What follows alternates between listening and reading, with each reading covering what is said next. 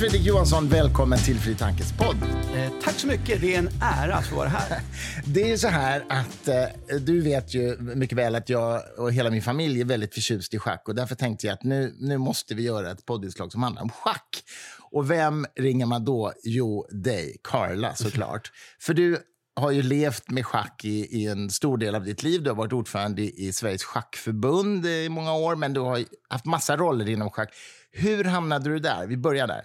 Ja, hur hamnar man någonstans? Det är ju en fråga man kan ställa sig I i största allmänhet. Så att säga. Hur Nej, men så här är det. Det, är liksom, det är ju, jag, det, det formella när jag gick in i, jag gick med i en schackklubb när jag var i 13 kanske, någonting sånt där. Och då var det, de kom till skolan, jag Mm. gick i Sätra skolan i sydvästra Stockholm och så på sportlov så kom de och på ungdomsgården så var det någon schackklubb som var där och så gick jag dit med några kompisar och tyckte att det var kul och sen så eh, sa de, jaha nu är sportlovet slut.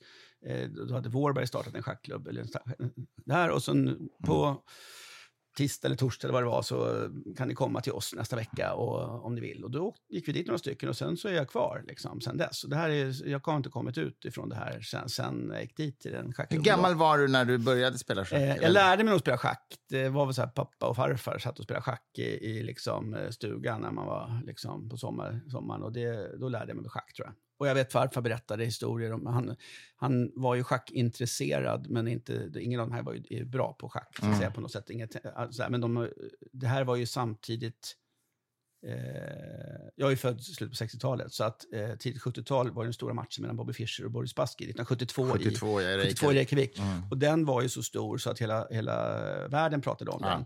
Och det var ju, så att jag fick ju berättelserna från det här. Och vem man, och det här var ju, det var Hur gammal var du 72? fem år. Fem år. Aha. Så att jag, Och jag, du minns jag, det? Nej, jag minns inte det. Jag minns Nej. att då min farfar och, berättade historier Mm. om den här matchen och Ja. hur, hur speciella de här personerna var. Och hur de tyckte, han, jag kommer ihåg väldigt väl att han tyckte så illa om Bobby Fischer. För att Bobby Fischer var en, liksom en sprätt. Mm. Eh, och det var han ju såklart. Men, Ja, eh, eh, rätt- så, rätt eh, så att det var liksom, så att han var ingen favorit eh, där. Även om man hade svårt också, man hade ju svårt att heja på den som var från Sovjet. Men man, man tyckte illa om personen Bobby Fischer. Det kommer jag ihåg. Ja. Mm. Har du varit i Reykjavik, by the way? Jag har absolut varit i Reykjavik. Jag har varit vid Bobby Fischers grav och jag har varit... Har eh, Ja, absolut. Jag har varit. En, Jag åkte till Reykjavik, jag tror att det var 2007 kanske, då han fortfarande levde, eller hur? Mm.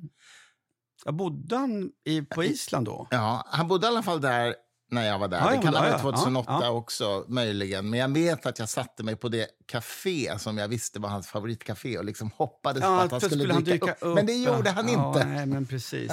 Nej, men han, han, eh, det är ju en karaktär eh, såklart. Och, Tänk att han dog när han var 64 år. Det är ju något symboliskt. Ja, men det är mycket, alltså det är, man, man kan ju liksom hitta, man kan ju, man kan ju rita, fylla i linjen efteråt om man vill. Ja, Liksom, ja, sådär, jag men, vet. Jag, vet. men att han, jag tror att, inte heller på synkronicitet. Nej, men att han fick dö, dö på Island. Det fanns någonting Ja. i det där att han liksom, han gjorde sig omöjlig i hela världen. Först han, bara den snabba versionen, han blev... Det är ju liksom, om man tittar på Queens Gambit tv-serien Mm. eh, så är hon, Harmon, alltså huvudkaraktären där, är ju ganska mycket kalkerad på Bobby Fischers Mm. liksom, uppväxt och liv. Liksom, Mm, så. Det, det. det är väldigt mycket i hans historia som Mm. finns i den, i den karaktären.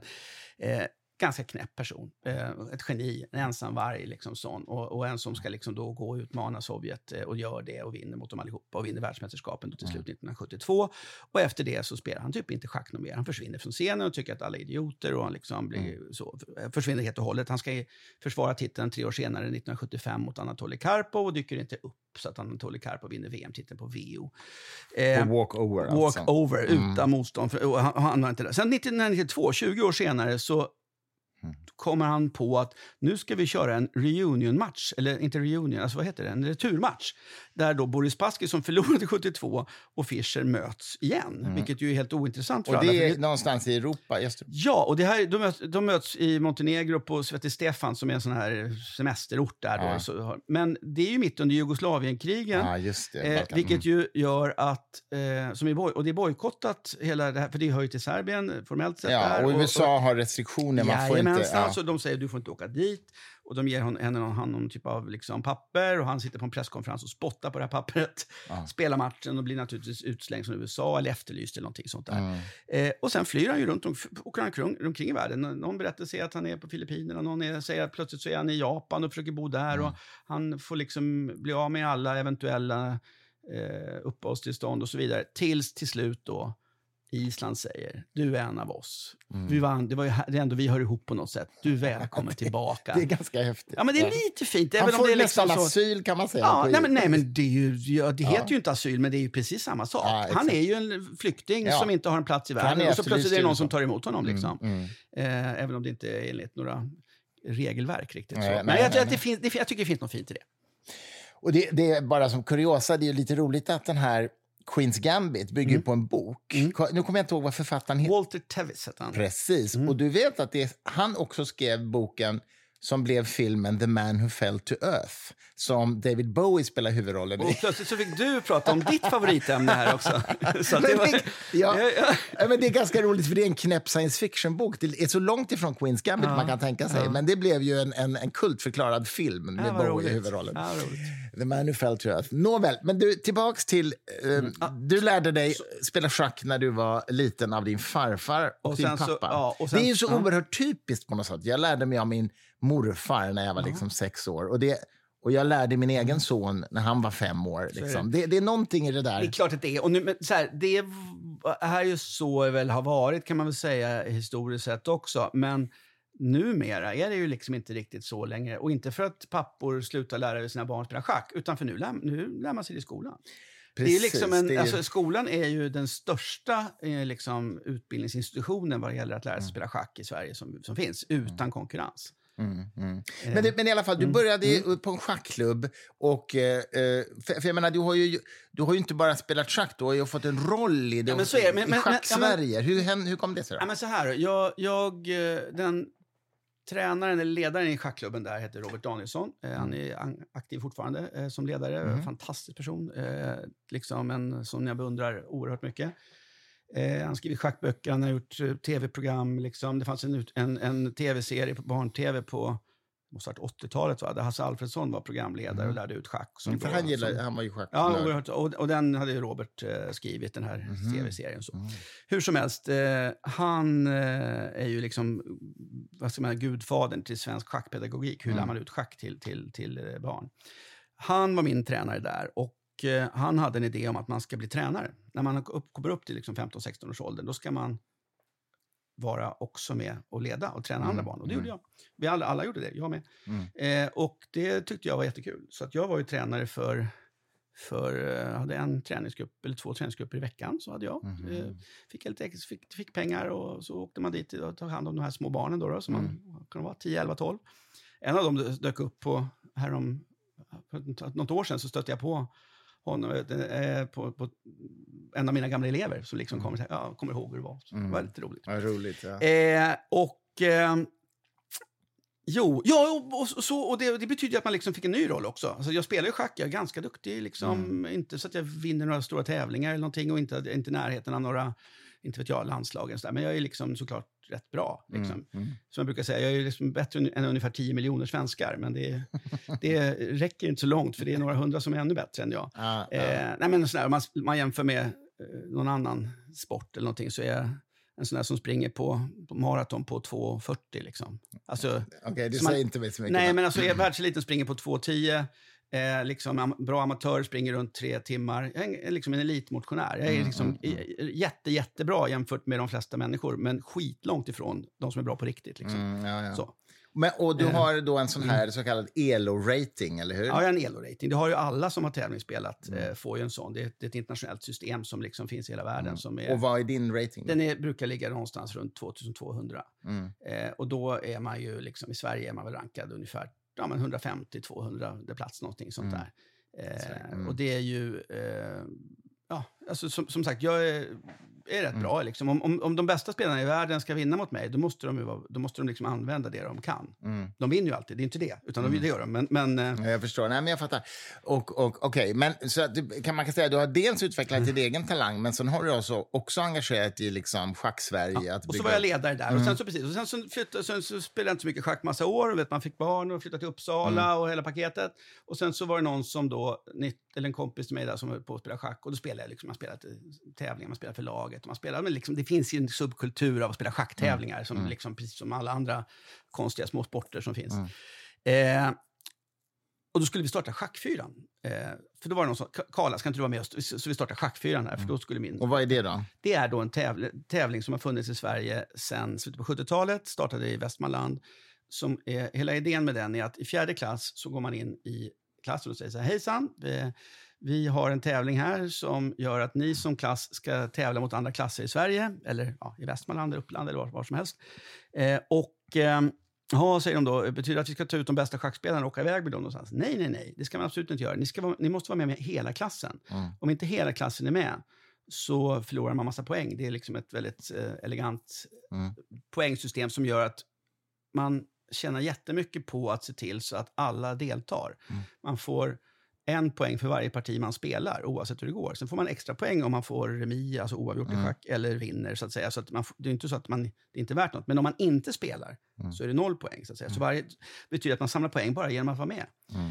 Och det skapar en jäkla härlig stämning i klassen, för de, säger de flesta lärare som har varit med på det här. För att det Mm. betyder att man gör en grej tillsammans där alla är, är viktiga att vara med. Mm. Mm. Och de mest tävlingsinriktade ungarna i klassen inser att för att vinna den här tävlingen så måste vi hitta ett sätt att motivera de mindre intresserade. Mm. För att om inte vi får dem att tycka att det här är kul och vara med i vårt, liksom Mm. så, då kommer vi inte ha en chans. Mm. Så det, det, det skapar en dynamik i, i grupperna som är väldigt, väldigt bra. Och det där startade det då på 70-talet i Västmanland och sprider sig långsamt. Men nu, sen 15-20 år, har det varit en stort i hela, hela Sverige. Och då så sa en kompis, och det fanns inte i Uppsala, vi hade inte, det fanns ingen som hade liksom kört det. Men sa, vi, kör igång där i Uppsala, där, då bodde jag i Uppsala. Mm. Och så gjorde jag det tillsammans med eh, Thomas eh, Franzén, hette han, som, som jag gjorde det här med. Och eh, det gick jättebra. Eh, Mm. Vi startade där och så startade vi en schackklubb för barn i Uppsala. Eh, som jag blev ordförande för. 2005 var det här. Eh, och sen, eh, ja, och, och gör man någonting så ska man göra det direkt, liksom, eller ordentligt. Mm. Så då gjorde vi det. Så att vi började med som alla, liksom som man tänkte, en, eh, en timme i veckan i skolans matsal så att vi hade schack Mm. då. Och eh, numera är det ju liksom upp mot 700-800 medlemmar. Vi har några nordiska svenska mästare. Vi har liksom eh, både, verksamhet i tio skolor i Uppsala. Och så finns, alltså vi är på alla nivåer, vi är giganter.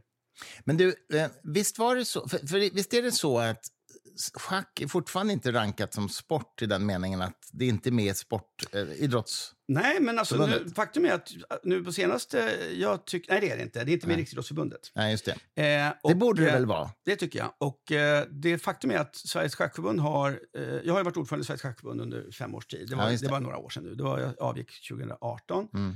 Eh, och eh, ja, redan då vi ansökte vi om medlemskap i det som heter, heter det SISU, som är Ri- Riksidrottsförbundets studieförbund. Okej. Mm. Ja, det är en liten snygg, tycker jag själv då, liksom. Bakväg. Bakväg, Ja, precis, att komma in. För det är lite lättare att argumentera för det. Att vi Mm. vill vara en del av liksom, alltså, så här, schackförbundet och schackverksamheten och schackklubbarna som finns. Det är precis som vilken liten, eh, inte vet jag, orienteringsklubb eller fäktningsklubb Mm. eller klubb som helst. Alltså det här är en vanlig fören, idrottsförening.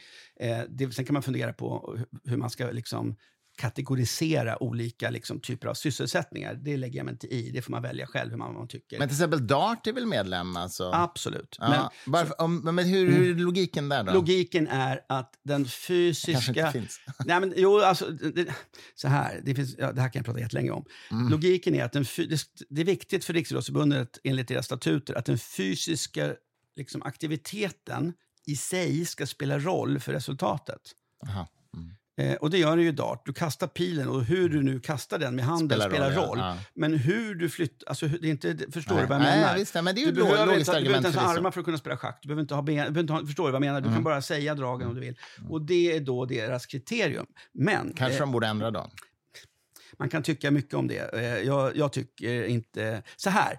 Det som är, jag tycker inte att problemet är att, eh, att Schackförbundet inte är med i Riksidrottsförbundet. Problemet är att det finns massa lagstiftning i Sverige eh, vad gäller allting ifrån liksom, eh, eh, heter det, arbetsgivaravgifter och, Mm. och liksom Skatt olika skatter. prispengar. Skatt, ja, prispengar, precis. Mm. Sådana saker som eh, knyts och, och, och bidragssystem som Mm. knyts till huruvida du är medlem i Riksidrottsförbundet eller inte. Mm.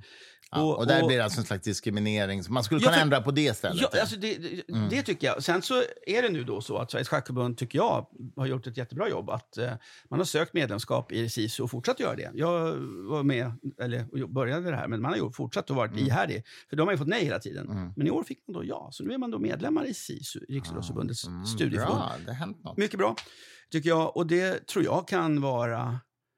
Eh, ja, det, och det är, En början på en omprövning av det här Ja, sättet. och jag menar för mig, så här, hu- huruvida liksom man är med i Riks- Det är klart att det är en, det är en familj som, man, som jag tycker Schackförbundet hör hemma i. Det tycker Mm. jag absolut.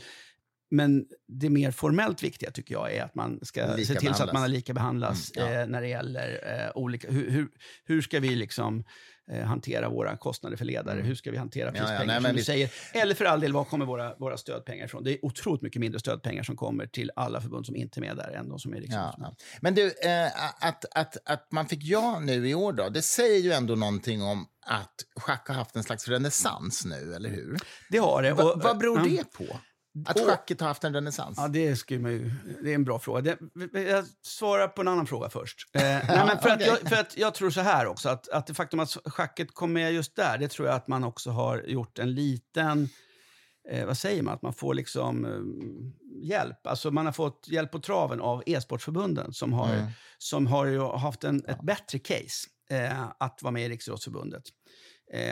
Men de tycker jag själv att de har... Alltså deras Alltså argument är- datorspel de, och sånt. Ja, men precis. De, för där är deras fysiska aktivitet, visserligen ger ju den inte direkt, den är ju indirekt så att säga, Mm. eftersom det, men den är ändå, alltså, de har ett bättre case. Ja. De har kommit med. Och när de då gör det, då är det liksom, förstår det är gräns, Ja, ja, och, och då har liksom Sveriges Schackförbund kunnat dra nytta av det. Så Mm. det, det tror jag spelar roll just i det fallet. Sen att schacket har haft en stor renässans nu, det är ju en... Eh, det är Delvis ju, pandemin kanske? Alltså det är ju många saker och jag, det går inte, jag vet inte så här, jag själv tycker att det liksom är så skönt att hela världen äntligen har hunnit, ikapp mig. Liksom. Jag, har ju, jag, jag, jag, grejen. har ju varit här jämt. Så att säga. Ja, ja. Nej, men så här, schack är ett spel som har funnits i 1500 år. Ja. Det finns ju ett skäl till det, tror jag. Att, att visst, någonting, ett spel överlever Mm. liksom, år efter år efter år. Va? Och det är klart att det har funnits perioder av, av där schack har varit viktigare eller större än, än, än, än, under andra perioder. Men så stort som det är nu har det ju naturligtvis aldrig någonsin varit som Mm. spel. Det, finns liksom, det går inte att jämföra med någonting. Mm. Och pandemin, bra internet, eh, alltså ja. som har kunnat, som har kunnat ta emot, ja, och Youtube-filmer där man liksom Mm. kan, tutorials och sånt som liksom har kunnat funka. Eh, eh, streamare som, som man får som liksom eh, idoler och följer. Mm. Eh, Schack-influencers, kan man Ja, och även att de bästa spelarna i världen är ganska publika. Att Mm. de är liksom, som Magnus Carlsen som har varit världsmästare är ju liksom en, han ställer gärna upp på ganska knäppa, roliga evenemang för att, och visar upp sin, sina sjukaste sidor. Mhm. Hikaru Nakamura som är amerikan och som är, ja, han är också absolut en av världens bästa. Han är ju ständigt rankad bland de tio bästa i världen. Mm. Är ju en streamer med miljoner liksom, följare. För han ju, har ju liksom ett ganska, vad ska jag säga, publikt tilltal. En lite Mm. galen, lite, lite så Mm.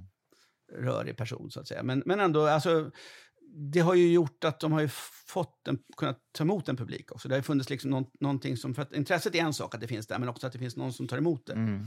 Eh, Och sen Queens Gambit hade Tv-serien, ja, ja, det, blir, det är som en perfect storm. Det här är liksom som att allting på något sätt, och jag menar som i Sverige, att vi då dessutom har kört schackfyran sedan 80-90-talet, vilket i princip betyder att bara schackförbundet i sig, alltså schackklubbarna i Sverige, har ju sett till så att ungefär 25 procent av varje årskull har bara genom den försorgen lärt sig spela schack. Mm. Och det betyder ju att 25 procent av alla i varje årskull, minst, sen är det klart alla andra också, det finns ju många andra som inte råkar vara med i tävlingen, Mm. som såklart har lärt sig av sina föräldrar eller något på något annat sätt. Men det här är bara dem.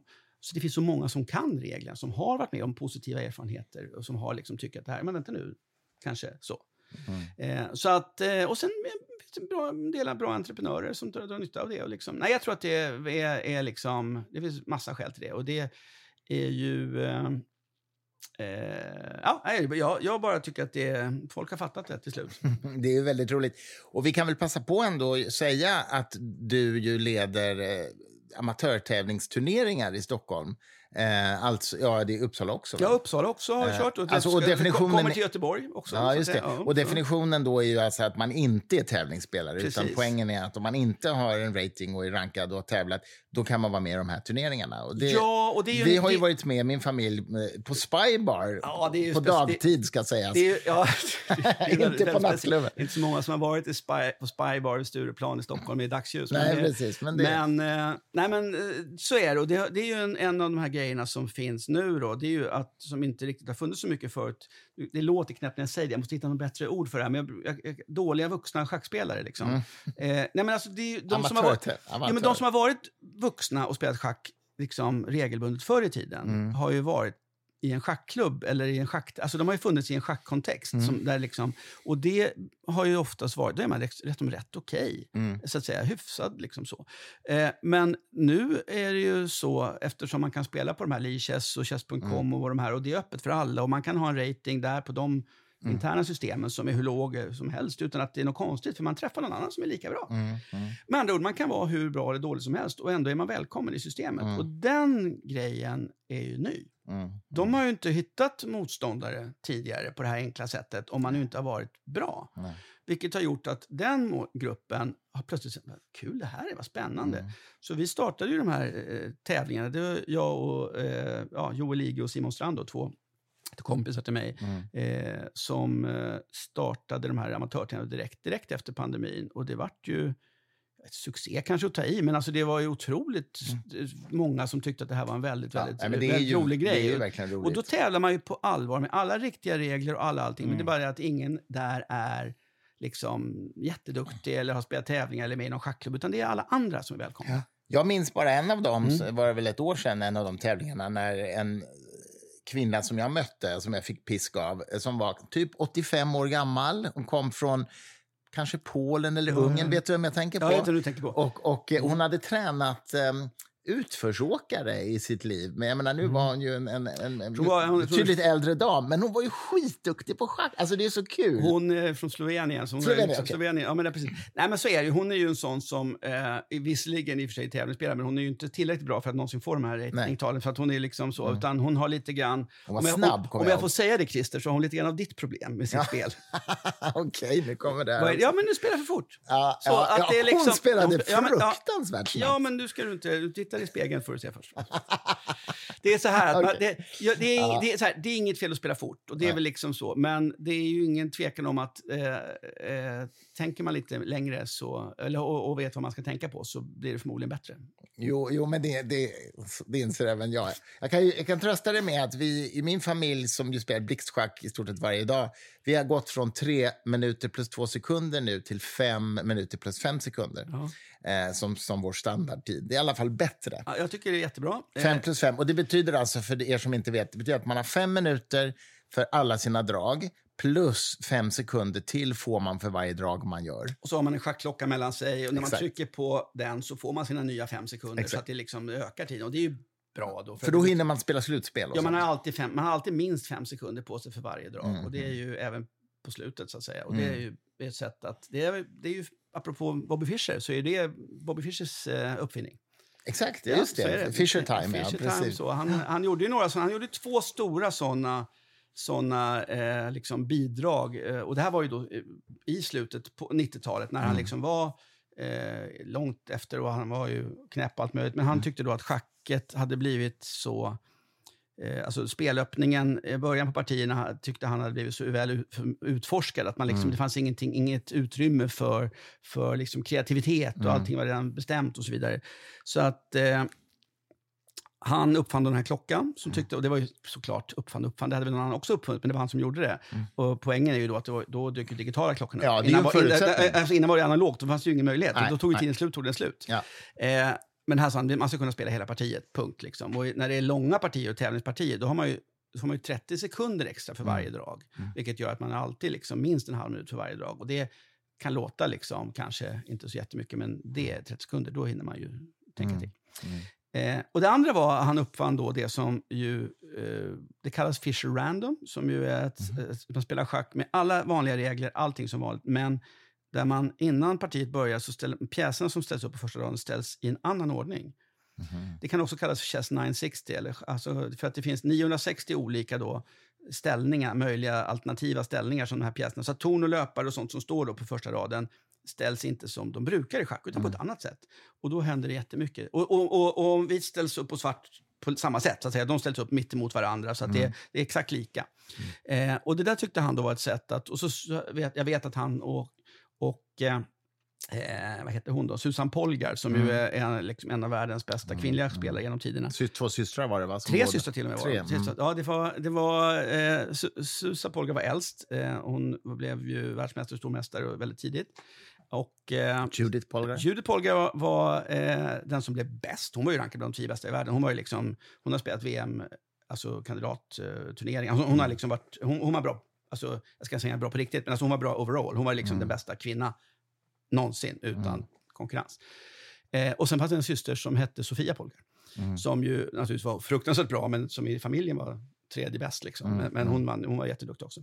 De hade en pappa som hette Laszlo som, var, som hade en idé om hur man ska uppfostra barn. Så att han uppfostrade dem genom ja, schackträning och pingisträning. Så det höll de på med hela när de var små på ett väldigt systematiskt organiserat sätt. Eh, hon är nu, med Susan Polgar är numera tränare i ett universitet, i schacktränare vid ett universitet i USA sedan många år tillbaka. Och, ja, en av de absolut främsta schacktränarna i, i världen. Mhm, wow. Eh, jo, hon och, och Bobby Fischer satt liksom i hemlighet, eller hemlighet, de satt väl som, det inte vara hemlighet, de satt väl tillsammans helt enkelt och testade olika spelmodeller och testade olika hur man skulle ställa upp de här pjäserna, hur reglerna skulle vara. Och sen så kom han fram till hur det skulle vara och sen så där spelas det ju nu. Det finns ju på de alla, alla sajter möjlighet att spela den här Chess 960 eller Fisher Random. Då. Det finns VM-tävlingar och det finns liksom så. Så att han, han är ju, var ju ett geni också. Han var ju både ett geni och eh, knäpp i huvudet. Ja, men precis. Han hade ju ganska mycket paranoida vanföreställningar och antisemitiska utspel och konstiga grejer. ja. Nej, men han hade väl en ganska tydlig autism... Eh, Jag tror, att det var, jag tror att det bara var en av Ja, det var bara en av det. Ja, jo, men jag håller med. Jag håller med. Ehm, ja, men precis. Men du, ehm, om man talar om schack lite mer teoretiskt då. Vad tycker du är, vad är liksom den stora tjusningen med schack som fenomen? Det har ändå överlevt i 1500 år, precis som du sa. Vad är grejen liksom? Ja, men en av grejerna är väl lite, och det blir ju ett metasvar såklart. Ja, Eh, En av grejerna är ju att den faktiskt har gjort det.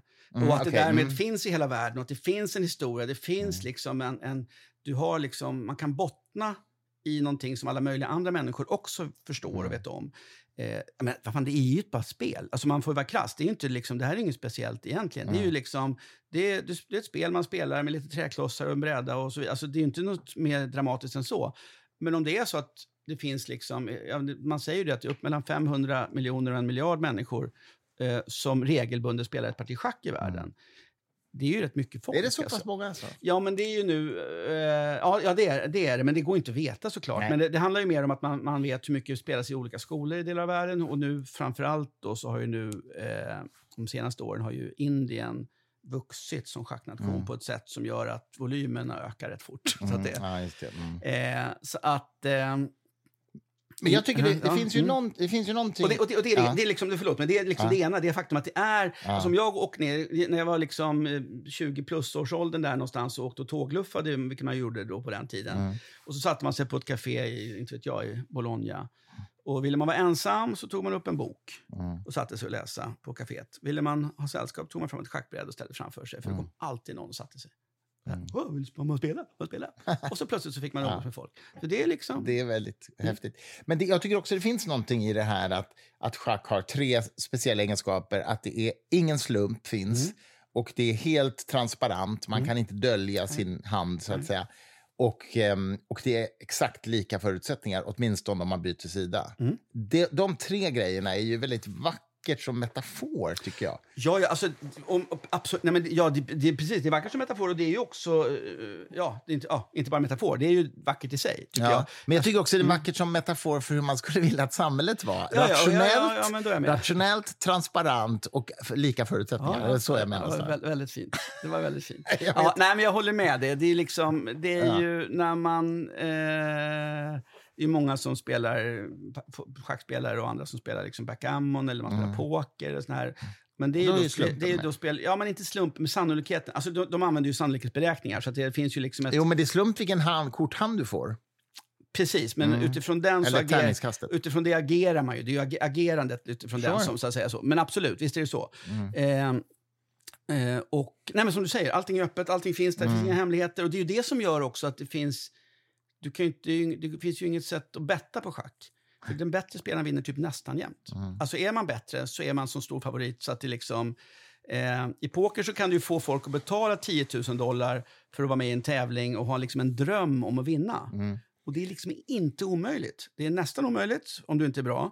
Men det är inte omöjligt, Mm. för du kan ju faktiskt ha ett flyt som gör att du vinner. I schack är det omöjligt. Du kommer inte. Ja. Det är Men liksom, för, en Ja. sak som en reflektion jag i alla fall gjort Mm. som inte motsäger det, för jag håller ju naturligtvis Mm. helt med dig om det, men ändå som en aspekt på det. Det är att det är, om, du har, om du har tre spelare A, B, C som är ganska jämna, ja, men A vinner liksom 60% av alla partier mot B och ja, B vinner 60% av alla partier mot C, Ja. så är det inte säkert att A oftast vinner över C. Det är min erfarenhet. Jag har alltså haft spelat så med kompisar Ja. där, där personligheten i sättet att spela gör att det inte blir en transitiv relation. Det är i alla fall min erfarenhet. ja, men då får jag ju... Nu, får du inte ta illa upp här, Nej, Christer. nej. Det- Nej, men så här är det också. Att det är klart att det är ju inte slumpen som spelar in, men däremot finns det ju ett, ett, ett, ett vad ska jag säga, det finns ju ett utrymme av... Alltså om man inte är, om man inte är bra Mm. på schack Mm. så är det ju liksom, gör man väldigt många fel Mm. i ett parti. Och då menar jag inte liksom att det är något stort problem att man gör de här många felen, men det är många tillfällen för vara, båda motståndarna att utnyttja det här, de här felen. Eh, om jag spelar ett parti mot en jämbördig med mig så kommer jag göra fel, men inte så många fel Mm. Nej. som du gör när du spelar med en jämbördig med dig. Såklart, ja. Och Det betyder att variansen ökar Mm. mycket mer i partierna mellan dig och dina jämbördiga Ja. Ja, tror det mellan mig rätt. och Ja. min, mina jämbördiga. Så att det kan vara så att du har rätt. Jag, Fast på, bara på låg nivå, tror jag. nej, och det kanske inte Eller är så att du har rätt, utan det kanske helt enkelt inte är så att det skulle funka i någon vetenskaplig Ja, undersökning, förstår, utan ja. det här Så var under, under det begränsade urvalet av, av Ja. partier som du har. Jag kan inte säga att det inte är så, men Mm. jag, min känsla är att är man bättre så vinner man. Mm. Men däremot, så vi har ju kört de här amatörtävlingarna nu ett gäng gånger. Nästa gång, 7, eller 2 september, så hör av er till Christer om ni vill, är sugna på att vara 2 med. september på Eh, Spybar. Spybar, absolut, Stockholm.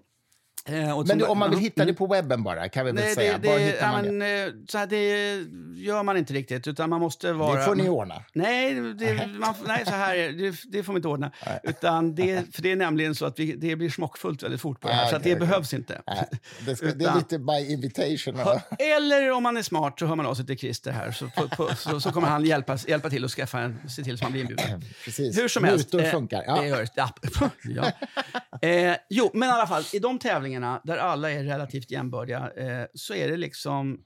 Jag ska inte säga att det är absolut ingen slump såklart, för det är ju Nej. naturligtvis den som gör de bästa grejerna Ja. där och då. Ja. Men det går inte att förutse vem som kommer att vinna den här tävlingen eller vem som kommer att vinna varje enskilt parti. Det finns liksom ett stort mått av osäkerhet i det, för att, just för att liksom det är...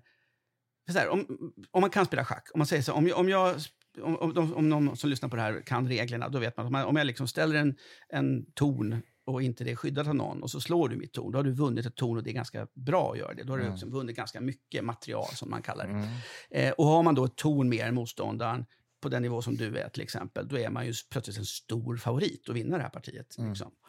Eh, men det här händer, den typen av grejer, att det står ett torn i slag eller en häst i slag som går att ta. Det händer jätteofta i de partierna ni spelar, Mm. jämfört med vad det händer i de partierna jag spelar. Ja.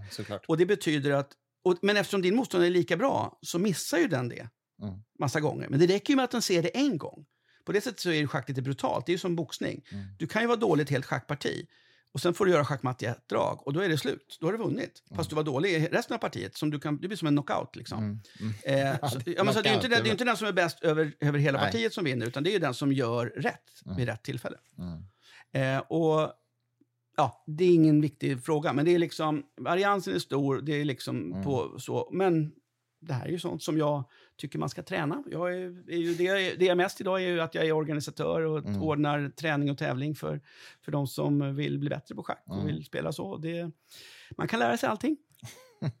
Men det, eh, schackets historia då? Det Mm. började för 1500 år sedan ungefär, uppfanns eller utvecklades kan man säga. I var någonstans? In- Alltså, det är ju naturligtvis så att det finns ju massa Ja, eh, historier. Men man är relativt överens om att eh, 1500 år sedan i Indien Mm. var liksom grunden för ett spel som är typ nästan som schackspelet är och det idag. hette något annat då, va? det hette Chaturanga. Chaturanga, just Chaturanga. det. Just det. Mm. Eh, och var ju då skapat som ett krigsspel och där Mm. man liksom de här eh, olika pjäserna då eh, skulle representera olika delar av, Mm. av liksom ett, eh, en, eh, ja, armén. Liksom, som För det var en slåss med. elefant istället för torn, va? om jag minns rätt? eller? Ja, och det var en visir istället för damen och det Mm. var så. Och, och bönderna, de heter ju inte bönder på, svenska och tyska heter de bönder på, de heter ju inte bönder på andra språk, Nej. utan det hette ju då, det måste ju vara sanskrit som var språket man Mm, pratade sanskrit, då. ja. Mm. Eh, så foot soldier, alltså, fo- alltså det var fotsoldats eh, ja, kanonmat. Liksom. Mm, så, det mm. var det, var det som det var. Mm. Fotsoldater som var bönder, åtta bönder skulle man ha då. Och det, bönderna har ju ganska många eh, ja, svenska bönder då så att säga. Det heter ju pån på engelska. Mm. Pån tror jag inte betyder något annat än just. Schackpjäs. Men eh, på de flesta andra språk så betyder det fortfarande, heter det fortfarande motsvarigheten till soldat. Mm. Eh, de, det finns mycket ö, an, ordspråk och sånt där man använder det här uttrycket. Så här, ja, man blev offrad som en bonde på ett schackspel. Eller, Ja, liksom så, så att, Mm. man var inte så viktig. Man var någon som fick liksom slängas ut där som att man skapade ett bondoffer. Mm. Ja, du vet så. Eh, det, de ordspråken finns på massa, språk, Mm. i, i massa andra språk. Eh, 1500 år sedan, Indien. Och sen så var ju, kom det ganska fort då, västerut. Då. Inte så mycket österut eh, från Indien, utan västerut mot över Persien. Mm. Eh, så det- man säger det uppfanns förmodligen då Indien och sen ganska snabbt, 100-200 år senare, så var det i Persien och där fick det sitt namn. Schack eh, betyder ju då shah. Som, Mm. Shah, eh, eller shah, ordet shah betyder kung och det är det som är schack. Liksom. Mm. Och shamat betyder väl kungen är död? Kungen är död, kungen är precis matt. Ja, jo, precis. Mm, shamat. Mm. På ryska heter det schachmati. Heter det, spelet heter det som schachmati. Inte, Hela spelet? Ja. Jaha, det visste jag inte. det. Eh, jag uttal, förlåt för uttalet, men det Mm. är liksom, det är, jag kan inte uttala men det är liksom. Hur som helst, och sen så, eh, och där skrevs det ju liksom de första böckerna om schack, eller böckerna, te- texterna om schack och utbildningsmaterialen om schack skrevs ju där då Mm. av, av olika persiska och arabiska eh, liksom, eh, schacktränare, eller vad jag ska kalla dem för. Mm. Eh, och sen kom det väl till Europa då, någonstans runt ja, ska säga 500 år senare, alltså någonstans 10 000, 11 1200. Mm. Och då fick det väl sin nuvarande form, så att säga. Så figurerna som vi har på schackspel, som numera är universella, är ju, de är från det medeltida Europa. Det är ju liksom Mm. torn, alltså det är riddare och det är ju liksom den, den, det är de symbolerna som, som vann till slut. Och det var först i Europa som drottningen blev eh, den kraftfullaste pjäsen, va? Ja, alltså det, varje drag eller varje pjäs har ju sin egen historia. Några är ju liksom, har ju mindre roliga historier än andra, men de säger ju i alla fall att eh, damen, eh, drottningen, queen då, vi, vi säger ju damen på svenska, det är lite Dam, konstigt ja. egentligen, men det är, men det är ju, damen eller drottningen är ju samma sak. Eh, var ju en eh, dålig pjäs. Alltså det var ju Mm. den som var kungens, råd, kungens rådgivare, Ja, visiren, eh, det var, blev en drottning och drottningen hade, kunde då, den som kan schackreglerna på den tiden, och då är vi framme så sent som 13-1400-tal, Just det. eh, bara gå ett steg och inte Mm. göra så mycket nytta, men kunde då, ja, så. Men, och det, det här är kanske en sägen. Det är ju säkert så med de här, men det är ju säkert inte, inte sant heller. Spanska drottningen tänker du på nu? Isabella av Kastiljen, eh, 1400-tal, Just eh, var ju en modern eh, kvinna och hennes man var också en modern man. Mm. Ferdinand, tror jag. Ferdinand. Mm. Eh, och, Och båda eh, spelade schack. Ja, eh, framförallt, eh, framförallt så, så, så tyckte hon då att när hon fick pre presenterat och lära sig det här regelverket för det här spelet så tyckte hon att det är helt bisarrt att, att drottningen är liksom så jävla meningslös. Så är det ju inte i verkligheten. Det här måste för att det här spelet ska liksom kunna få användas här så måste det åtminstone likna verkligheten lite grann. Så hon tyckte då att drottningen skulle få lite mer utökad makt. Mm. Och, eh, så numera är ju drottningen då den starkaste och viktigaste pjäsen i schack. Mm. Och det är väl det som... Och det, det är ju en tid av andra, liksom andra stora... Elisabeth den första samtida, Katarina den store samtida. Mm. Det är liksom den tid när starka drottningar var en helt rimlig del av, liksom, Ja, av vardagen hos ganska många människor Ja, i Europa. Ja, precis. Eh, och eh, vilket, två olika stora schackländer också, både Ryssland och, Mm. och, och, och, och England. Eh, ja, och då blev det så. Eh, ett, under en period så kallades det Mad Queens Chess. För att det var Mhm. liksom den galna damen, det är den som kan gå överallt. Liksom. Just Förr i tiden var det. den lugna, fina damen, men Mad Queens Chess, det var. För att ända fram till kanske 1800, mitten på 1800 någonstans, så par, fanns det ju parallella regelverk i, för schack i Mm, världen. ja, liksom. okej. Jo, men det fanns ju inget sätt att berätta för andra eh, människor i andra delar av lä- lä- världen att man hade gjort en, liksom, eh, någon liten Ja. förändring på någon regel. Så att någonstans där så till slut så, så för det är till exempel hur man gör eh, rokad som är ett drag i schack, som med kungen och dam, eh, tornet byter plats liksom, Ja. för att gömma kungen, sätta kungen i säkerhet. Det kom väl någonstans där 1700-tal kanske, men inte överallt. Det senaste draget, förändringen, var väl en passant? En passant, ja men det är väl där också. Det tror jag är någonstans 1800-tal. där. Ja, men jag tror att det är precis slutet av 1700-tal, Mm. men, men inte, det blev inte universellt förrän då på, på eh, 1800-talet. Eh, Det är ju fortfarande så att man möter folk som faktiskt kan spela schack eh, som inte vet om det. I alla fall har jag Ja, men här, det. det, är ju, det finns ju, en passant är ett konstigt drag. Det Mm. finns konstiga saker i schack. Eh, man behöver inte, vi behöver inte fördjupa oss i själva draget i sig, men, men det, eh, det finns en logik bakom draget Ja, men en jag, tycker man, jag, kan, jag tycker man kan förklara det ganska enkelt. Det är ju det att eh, bönderna fick bara gå ett steg även från början tidigare. Men sen införde man ju att bonden får ta två steg första gången. Men det är ju tusen år sedan man gjorde det. Ja, just det. Ja, okej. Men eh, det här, okej, just det. Men en passant är ändå ett sätt att säga att man kan inte smita förbi ett hot Precis. genom att ta två steg istället för ett. Det. Eh, för det är ju så att om det står en bonde, motståndarens Det här är en bonde... utmaning. Du ska alltså förklara det här i ord. Ja, jag ska försöka. Se om du tycker att jag klarar det. Om motståndaren har en bonde som hade kunnat ta min bonde om jag bara hade gått ett steg, Mm. men jag istället går två steg, då får han ta den ändå. Som om den hade gått ett steg. Som om det den är hade det som är gått steg. weird. Ja, att, att det är så. exakt. Och man får bara göra det där och då. Det är det enda schackdrag som man bara får göra vid ett specifikt tillfälle Ja, som inte ja. finns kvar. Ja, Möjligheten man kan inte vänta direkt, med det. liksom. Nej, utan, mm. Så är det. Så Men, det, men ändå, ja. ganska, tycker jag det är ganska Ja, pedagogiskt. Det är precis den förklaringen som jag själv använder mig av, fast det är kanske lättare när man ser ett schackbräde. Ja, ja, ja, ja, men det har Hur som helst. Ja, men så är det. Nej, men absolut. Och, så, så är det. och det finns ju en del andra grejer också. Det finns en del eh, anomalier. Alltså, det finns ju till exempel en regel som heter patt i Mm. schack. Alltså att Mm, om det är så att man har Schackmatt är ju om man liksom lyckas fånga kungen. Mm. Schackmatt i sig är väldigt svårt att förklara för, för, för, eh, för Mm. barn. För att det är ju ett väldigt abstrakt begrepp eftersom man ska fånga kungen så att den inte kan gå någonstans, men så att man kan då slå den i nästa drag. Mm. Så att den är ju liksom färdigfångad men inte dödad så att säga. Mm. Eh, men om den då är fångad på alla de här sätten nu, så vis, men den inte går att döda i nästa drag, Mm. Då är det patt. då är det patt. Och, och, och, och motståndaren inte kan göra några andra drag heller. Man får inte ha några, om man Nej. inte har några drag att göra överhuvudtaget, men det är inte så att kungen är hotad, Mm. då är det patt. Och hur patt har varit, det har ju både varit under... Nu blir ju det remi, oavgjort, i schack om det blir patt. Det har det inte alltid blivit. Ibland har det varit eh, så att man har Har vunnit dem? vunnit för att man det är en vinst. Ibland har det till och med varit så att man har förlorat.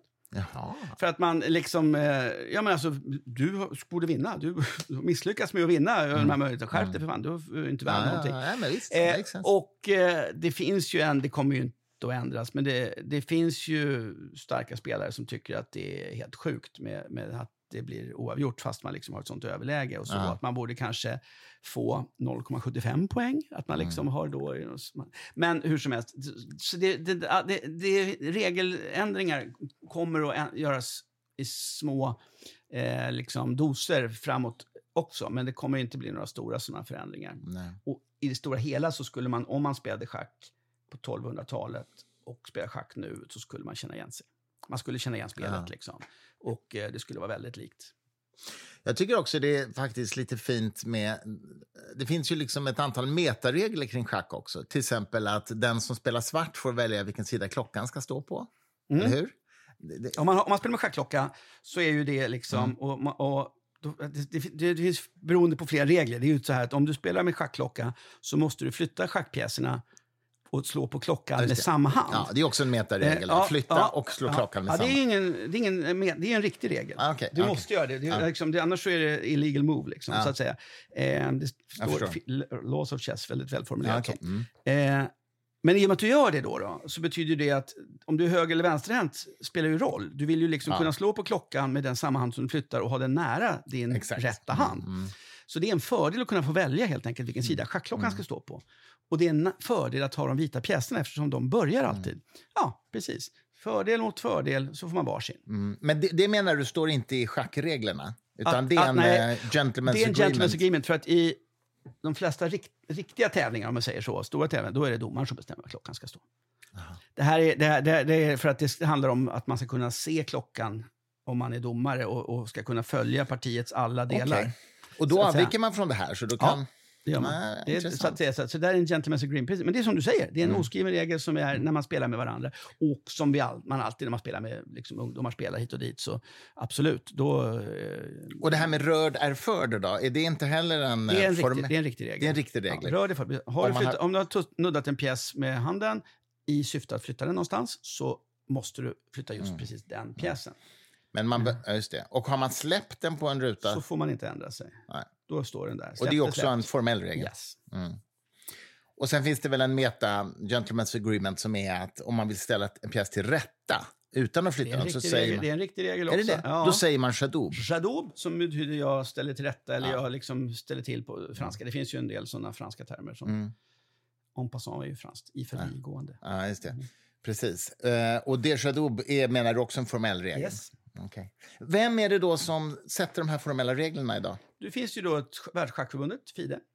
Eh, Fédération Internationale des Échecs. Mm. Så, eh, bildades den 20 juli 1924, alltså fyllde 99 år. I, idag är det den 22 juli, va? När vi sitter och pratar om det Ja, här. just Så två dagar sedan så fyllde de 99 år. Wow. Det, är numera, den, det datumet är numera sedan några år tillbaka FNs officiella... Eh, FN har utnämnt det till, till den officiella schackdagen. Just det, det var i förrgår, ja. Mm. Så är det. Och det är just för att Internationella schackförbundet bildades då, 1924. Jaha. Så de äger, sen, eh, ja, de äger liksom regelverket. Mm. Eh, Någonting ring, ringer en klocka i mig att Fide har eller har haft en ganska udda ordförande som påstår att schack kommer från rymden. Vad är, vad är sant av detta? Eh, Alltså alien. vi, kan, vi kan börja så här, att eh, det som är sant är att det finns rätt mycket roliga karaktärer i schacket. Ja, det, där, ja, det vi, kan vi, börjar, vi börjar där. Ja. Eh, nej, men så här är det, att det har ju varit en... Eh, det, det, det är sant, som du säger. Det, det, Världsschackförbundet har ju haft många ordföranden. Den, ordföranden från 49 till 70, vilket är ju en ganska lång period efter Mm. efterkrigstiden, var Folke Rogard, en Mhm. svensk advokat. Mhm. Som ju eh, i Sverige mest var känd för att han var gift med Vivica Lindfors. Men, men han var också ordförande för Världsschackförbundet och, eh, under alla de här Ja, det är åren. Så, att, nej, det, så är det. Eh, och eh, efter det så var eh, en isländsk eh, spelare som heter Fredrik, Fredrik Olofsson ord- ordförande. Och sen har det varit efter det en del filurer. Liksom.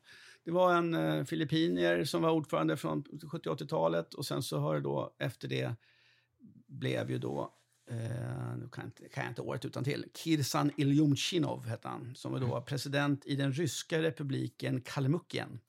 den enda buddhistiska eh, republiken i Ryssland. Jaha, okej. Eh, där var han president. Finns, om man googlar honom så kommer man se en del historier om, om eh, journalister som eventuellt har blivit mördade och, och sådär. Så det, det är liksom, eh, han, buddhismen i all ära, men de, det var inte, jag tror inte han var någon mys, myskille. Mm. Han var ordförande i massa år och eh, han, eh, hade ju, han var ingen duktig schackspelare. Inte? Nej. Eh, eller, han var en sån som kom ur liksom, Sovjets sönderfall eh, och var en bra person som lyckades... Eller, bra person? Nej, han var inte en bra person. Han var en person som lyckades roffa åt sig liksom, saker och ting och blev mäktig liksom, när, när allting rasade ihop. Eh, och kom då från Kalmukien. Och han eh, blev ordförande där för att Sovjet eh, och Ryssland har ju liksom varit, varit den absolut viktigaste kraften i, i världsschacket på gott och ont. Eh, det är ju en, det är inget kommunistiskt över schackträning och så, Mm. utan det är ju, i Ryssland är det ju en kulturell grej. Du kan ju åka ut på landet där och där spelar man schack. Och vissa delar av Ge- Georgien eh, till exempel är ju ett sånt, där spelar de ju schack överallt. Och, Mm. Eh, så att det är ju en stor grej i landet, liksom Ryssland slash Sovjet. Men, och därför var det en stark liksom, kraft som ville då att det ska vara en person därifrån som är ordförande. Mm. Och säger det ryska schackförbundet att det ska vara på ett visst sätt så brukar, blir det väl så ofta. Eh, och då blev det var den här killen som dök upp, då, Kirsan Iljumchinov. Han var ju knäpp. Liksom. Han var också bra på ett sätt i meningen att han lyckades ena världens schack. Det var kaos runt eh, millennieskiftet. Där. Det var flera olika... Först, eh, förlåt, först var han med och sabbade det eh, lite grann för att han tyckte att världsschack skulle vara lite annorlunda. Han medverkade till det. Det var Nu- Jag börjar en konstig ände här nu. Det, var, det har varit eh, kaos inom Världsschackförbundet under några år. I slutet på presidenten som var före honom och i början på hans. Eh, så. Där fanns det flera världsmästartitlar som var parallella. Mm. Fanns världs, ja, vi är världsmästare, jag är världsmästare. Jag är, alltså, lite grann som Mm, boxningen återigen. Då. Eh, och under hans tid i alla fall så lyckades man återigen ta tillbaka det här. Ja, så det blev ordning i Mm. systemet så det är en världsmästare som alla är överens Men var det han som påstod att det kom från yttre rymden? Ja, han tyckte det. Han, var också, han, åkte, han, han trodde så här, jag är så duktig på och schack och så, så jag ska åka och spela schack med Gaddafi och, och göra så att det blir fred. Alltså, han var väldigt speciell Ja, och, det väldigt, och väldigt, hade väldigt gränslös och väldigt dåligt omdöme. Ja. Eh, och förmodligen också var han kriminell. Liksom, så att det var så. Men han var det under många år och eh, det fanns liksom, eh, ja, vad säger man? Det, han, kunde, han kunde göra en del saker som gjorde att schacket klarade sig bra, men i det stora hela var han naturligtvis ingen bra kraft Mm. liksom, för schacket. Och det vart knäppa rubriker. Och knäppa rubriker är ju så tacksamt för schack, att, att liksom förknippa schackspelare med eh, ga, att, man är, att de är Mm, galna foliehattar. gubbar. Liksom. Mm. Ja, och nu var det liksom Elon Musk senast de jävla med analkule liksom, grejerna. Det är så tacksamt att bara säga, ah, schackmänniskor är knäppa i huvudet, galna Mm. liksom. Och då blir det rubriker överallt och sen så, det tycker jag är lite trist. Men det är som det är. ja, det är onekligen trist. Men är han ordförande nu? Nej. Nej, det är han inte. Vem är ordförande nu, då? nu, Fide? nu är det en, en eh, Arkadij Dvorkovic heter han. Det är då en av Putins närmaste. Oj, oj, oj. oj. Eh, ja, alltså det, det finns ju... Mm. Ja, men det är ju helt värdelöst. Det finns ju liksom inget försvar på riktigt. Men det, vad gör man liksom? Nej. Det är ju så. Han har varit vicepresident i, i, i Ryssland och eh, alltså re- regeringen in tidigare. Han gör inte det nu då, men han, han har ju liksom varit... eh, Men har Fide som internationellt liksom protesterat mot detta på något sätt? Eller? Men Fide är ju de som har valt honom. Ja, men jag tänker nu efter kriget i Ukraina. Att, Ja, så finns det ju många medlemsländer som tycker, till Ja. exempel med en del medlemsnationer som tycker att det här är ju, är ju galenskaper. Men ja, Mm. det är ju, är ju... Men man kan inte välja en ny då? Jo, men man vill inte. Nej. Är du med? Det är, liksom, Mm. det är ju så att det är inte så att... Alltså, de här, äh, alltså, det är ju samma sak som i IOK eller Fifa, Mm. de stora internationella... Det här är ju, schackförbundet har ju 200 medlemsländer, varje land har en röst. Mm. Ett av dem är så här, liksom, vad heter det? Lesotho, Mm. Swaziland, det heter väl kanske inte så länge, men du vet, Mm. små pytteländer. Och kommer det då någon och säger så här, ni får tusen schackspel och, och, och liksom av oss om ni röstar på mig, så gör de ju det. Det är ju samma som vilken eh, korrupt Sepp Blatter eller sånt som Mm, helst. Det är, eh, det är bara att i det här fallet råkar de vara ryssar. Men du, hur är det nu med världsmästartiteln idag? Magnus Carlsen har ju varit det länge, men är han det nu? Nej, han, har ju då, Nej. han var, blev världsmästare 2013. Ja, Eh, fantastiskt. Alltså, det är ju helt coolt. En Ja. norrman liksom. ja så. faktiskt. Mm. Eh, och eh, eh, han har ju dominerat schacket sedan dess i, i världen på alla sätt. Eh, otvivelaktigt den bästa schackspelaren. Det, är liksom, det kan ju vara så att man är, vinner en världsmästartitel, eh, men man är inte självklart bäst. Det är ju som fotbollsland som vinner. Mm. Jag menar, de kanske, man kan ju vinna VM. Eller, Ett och- år och- förlorar ja, ett annat, Och, ja, och sen Mm. precis. Och sen så, men man, just för att man var bra den dagen eller så. Men här är det, han, det är ingen snack om saken. Han är, har varit bäst i världen. Han är fortfarande bäst i världen. Men för något tidigare år så, så sa han att, eh, ja, nu i höstas då, bara för, eh, var det en match igen om världsmästartiteln och då Alltså 2022, 2022, ja. precis. Mm. Just det. Just det. Eh, och i schack fungerar det så att blir man världsmästare så är man, ja, men det, nu jämför jag med boxning igen, men man, man, man har en titel Mm. och sen så väntar man på att det ska eh, utses en motståndare till en som Mm. så, så att säga ska kunna spela, Utmana en, spela en utmaningsmatch. Ja. Precis. Och det är ett väldigt formaliserat system som gör för att man ska, vem det ska handla om i alla fall. Men då sa han i alla fall att eh, jag kommer inte att eh, försvara min titel. Nej. Men då hade han gjort det ett många år. Ja, han har försvarat den fem gånger. Mm, fem gånger har Mm. han så att säga, spelat om världsmästartiteln Ja, och vunnit. Ja. Och nu tyckte han att det räckte. Ja, och det är ju eh, synd, men det är lätt att förstå. Det är liksom, det är ett jävla härke och, alltså det är därför att spela schack i sig, att spela mot liksom olika spelare varje dag och så vidare, det är liksom en sak. Men här är det, allting hänger på att du ska möta en, en person. Och så ska du spela då, som i det här fallet då, 14 schackpartier mot varandra. Sju med vitt och sju med svart. Ett varje dag med vilodagar emellan och så vidare. Det är, och sen ska du liksom, och den förberedelserna som krävs för att liksom gå in i en sån match. Han vet ju exakt vad som krävs. Han har gjort det massa gånger redan. Eh, några månaders isolering Mm. tillsammans med sina närmsta medarbetare. Mm. verkligen. För, att, för det är så lite som skiljer de bästa spelarna i världen. Mm.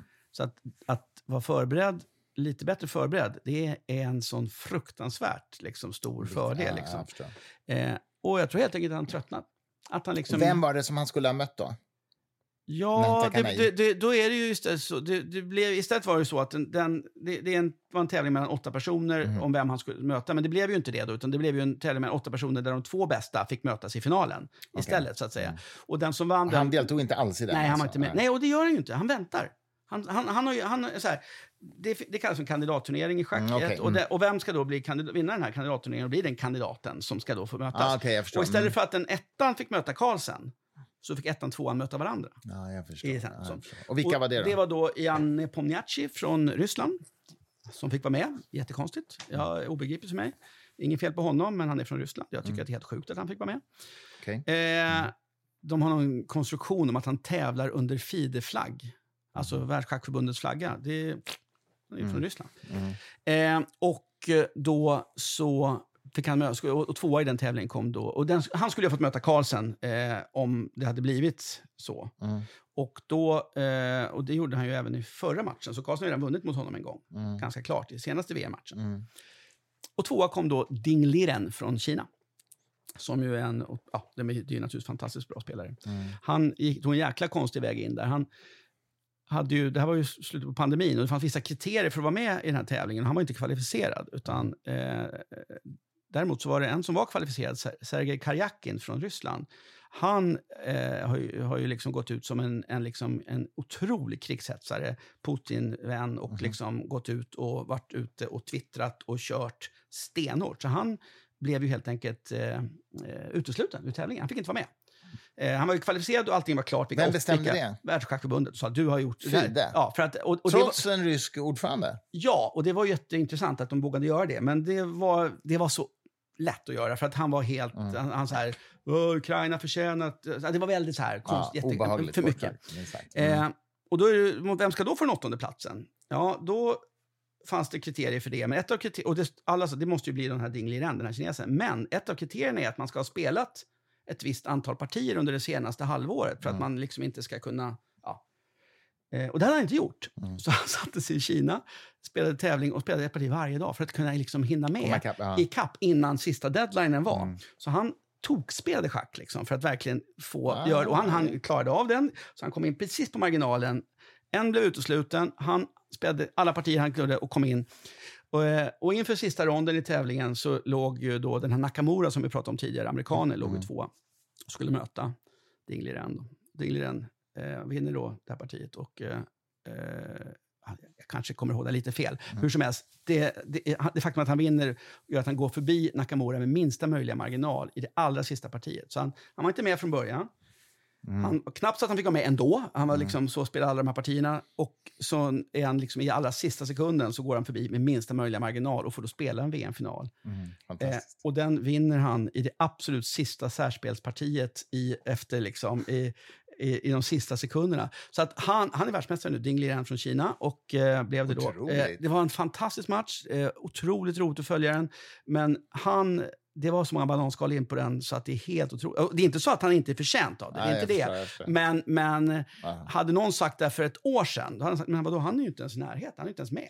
Nej, Nu är han världsmästare. Ja, det är rätt Det är, jag gillar jag tycker det är coolt. Det är en väldigt charmig person. Det är lite synd att, att eh, kineser...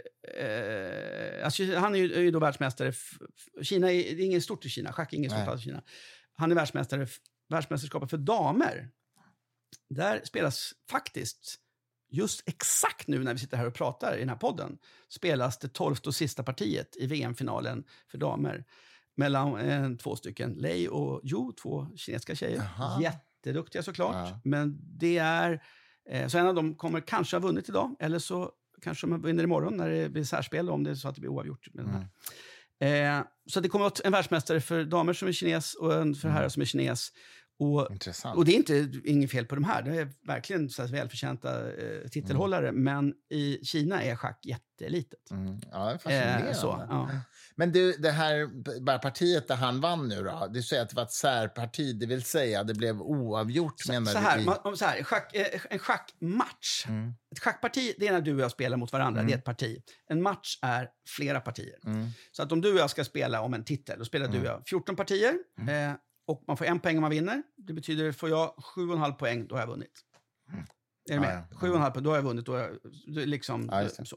Men om det blir 7-7, Ja, Så. Mm. Sju vita, sju svarta, sju, sju. Ja, då funkar det så att... Man får en halv poäng om man spelar halv poäng om man spelar remis oavgjort. Remis betyder oavgjort, det är bara ett konstigt schackord. Liksom. Mm. Mm. Eh, då gör man numera så att då gör man, spelar man några färre partier, i det här fallet fyra partier, då, med kortare betänketid. Mm. För de här partierna som man spelar i täv stora tävlingar, då är det ju, sitter man ju, har man ett par timmar var Mm, på sig. Det är mm. långa partier med mycket liksom, eh, så, eh, energi i varje parti och så vidare, ett om dagen och så vidare. Men här spelar man då fyra partier eh, med kortare betänketid Hur kort då? De, jag kan inte exakt, att, det här, men någonstans runt 20-25 minuter Mm. plus, som du, det som du pratade om tidigare, Ja, plus fysiotid. 10-15 sekunder Mm. extra per, per drag.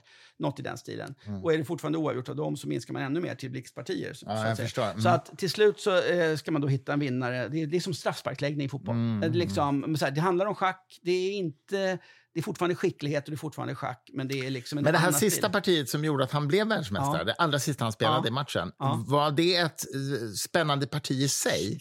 Med speciella drag? Liksom. Var det det? Alltså ja, det kan, för, du kan följa det i efterhand. Det är otroligt att se. För att schack det är ju så roligt. Det, det, apropå Mm. det här med moderna, det som vi pratade om förut med hypen och varför schack är stort.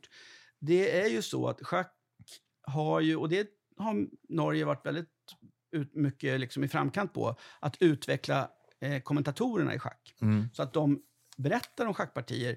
Ja, men just lite grann som ett golf, eh, en golftävling eller en cykellopp. Alltså de här tävlingarna där det, det händer ganska lite. Mm. Men ändå, förstår du, om, Mm. ändå så finns det mycket att prata om. Och gör man då det bra, vi har ju liksom såna Göran Zachrisson som har golfkommentator eller Mm. ett an uh, Vacchio som, eh, alltså de som är duktiga på att vara kommentatorer de här, gör ju att det blir skit, otroligt spännande. Så är det med schack också. I Norge hade det när Magnus Carlsen var världsmästare, så hade ju NRK eh, startade sändningar och även eh, TV2, så det var ju liksom budgivningar om vem som skulle få, Mm. få rättigheterna och sånt där om de Mm. stora matcherna.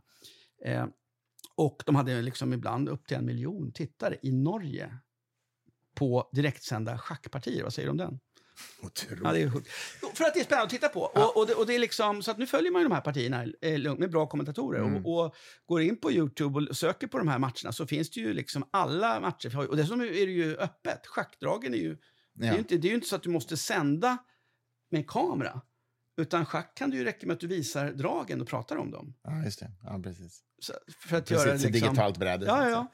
Men du, vi ska avrunda för jag pratar över en timme nu. Men, men bara som en sista grej, och om våra lyssnare Det, det, här, nu... det här, du vet, man kan prata hur... Jag vet, vi, vi måste göra om det här, för jag har massa grejer som jag inte har hunnit ta upp med dig. Men jag vill, vi, gör en schackpodd Ja, snart igen. det är bra. Men ehm, för våra lyssnare nu då, om man vill gå in på nätet och få en kommenterad genomgång av det här sista partiet som gjorde att vi fick en kinesisk världsmästare, var ska man googla på? Ja, men då, då går man in på, på, tittar på Youtube-klipp och tittar man då matcher med Ian Nepomniachtchi, det är bara att försöka stava det på en skala. Men, eh, World Championships, Chess 2022, eh, Nepo, Ding, eh, Särspelsparti 4. Okej. Ungefär en timme schack. Eh, det finns olika kommentatorer som eh, följer det här, som har gjort det här. Alla är bra. Mm. Det är liksom Ja, okej. eh, så. Eller alla är i alla fall tillräckligt bra. Eh, det, jag, jag inser att alla inte kan tycka att det är lika spännande som jag tycker att det är när man ser sånt här. Men när man tror då i det här partiet, som det här avslutningspartiet, som ändå liksom pågår en timme ungefär. Mm. Eh, alla är övertygade om att nu är liksom alla möjligheter uttömda. För det första så ligger ju då ryssen, då, i det här fallet Neppo, som han kallas för att vi inte kan uttala hans namn, Mm. eh, ligger ju i ett överläge ganska mycket under partiets gång. Och det är en... Men det, men det liksom ebbar ut mot att det blir nog oavgjort. Det blir nog remis Mm. och det blir nog en, nya partier med liksom kort, ännu Mm. kortare betänketid. Så blir det inte det. Och den där liksom... Det, det, det, Vad gör det, han det, då? nej, men han, gör, han, han väljer liksom att ta en, en ganska stor risk. Ja, i ett läge där det är helt sjukt att göra det. okej. Eh, men risk-reward eh, var väldigt högt här. Mm. Men att göra det Okej. i precis det här läget är... Jag tycker att det är i sig eh, värt väldigt, väldigt, väldigt mycket att, att, att, att liksom... Eller så här, det gör honom väldigt mycket mer värd att vara världsmästare. Att han gjorde förstår. Mm. precis det movet i precis det läget, tycker jag. Jag gillar honom. Han är charmig, han är lite Ja, rolig. ja, det det synd, eh, så att säga. Det är så. Ja. Mm. Du, eh, superspännande. Eh, hur mycket schack spelar du själv liksom, i vardagen? Jag spelar lite schack på liches.org som är min Mm. favoritsida. Då, är, men där sitter jag och spelar med. Men det är mer när jag väntar på bussen och sådär. Okej. Carl Fredrik Johansson, stort tack för att du var med i Fri Tankespodd. Tack för att jag fick vara här.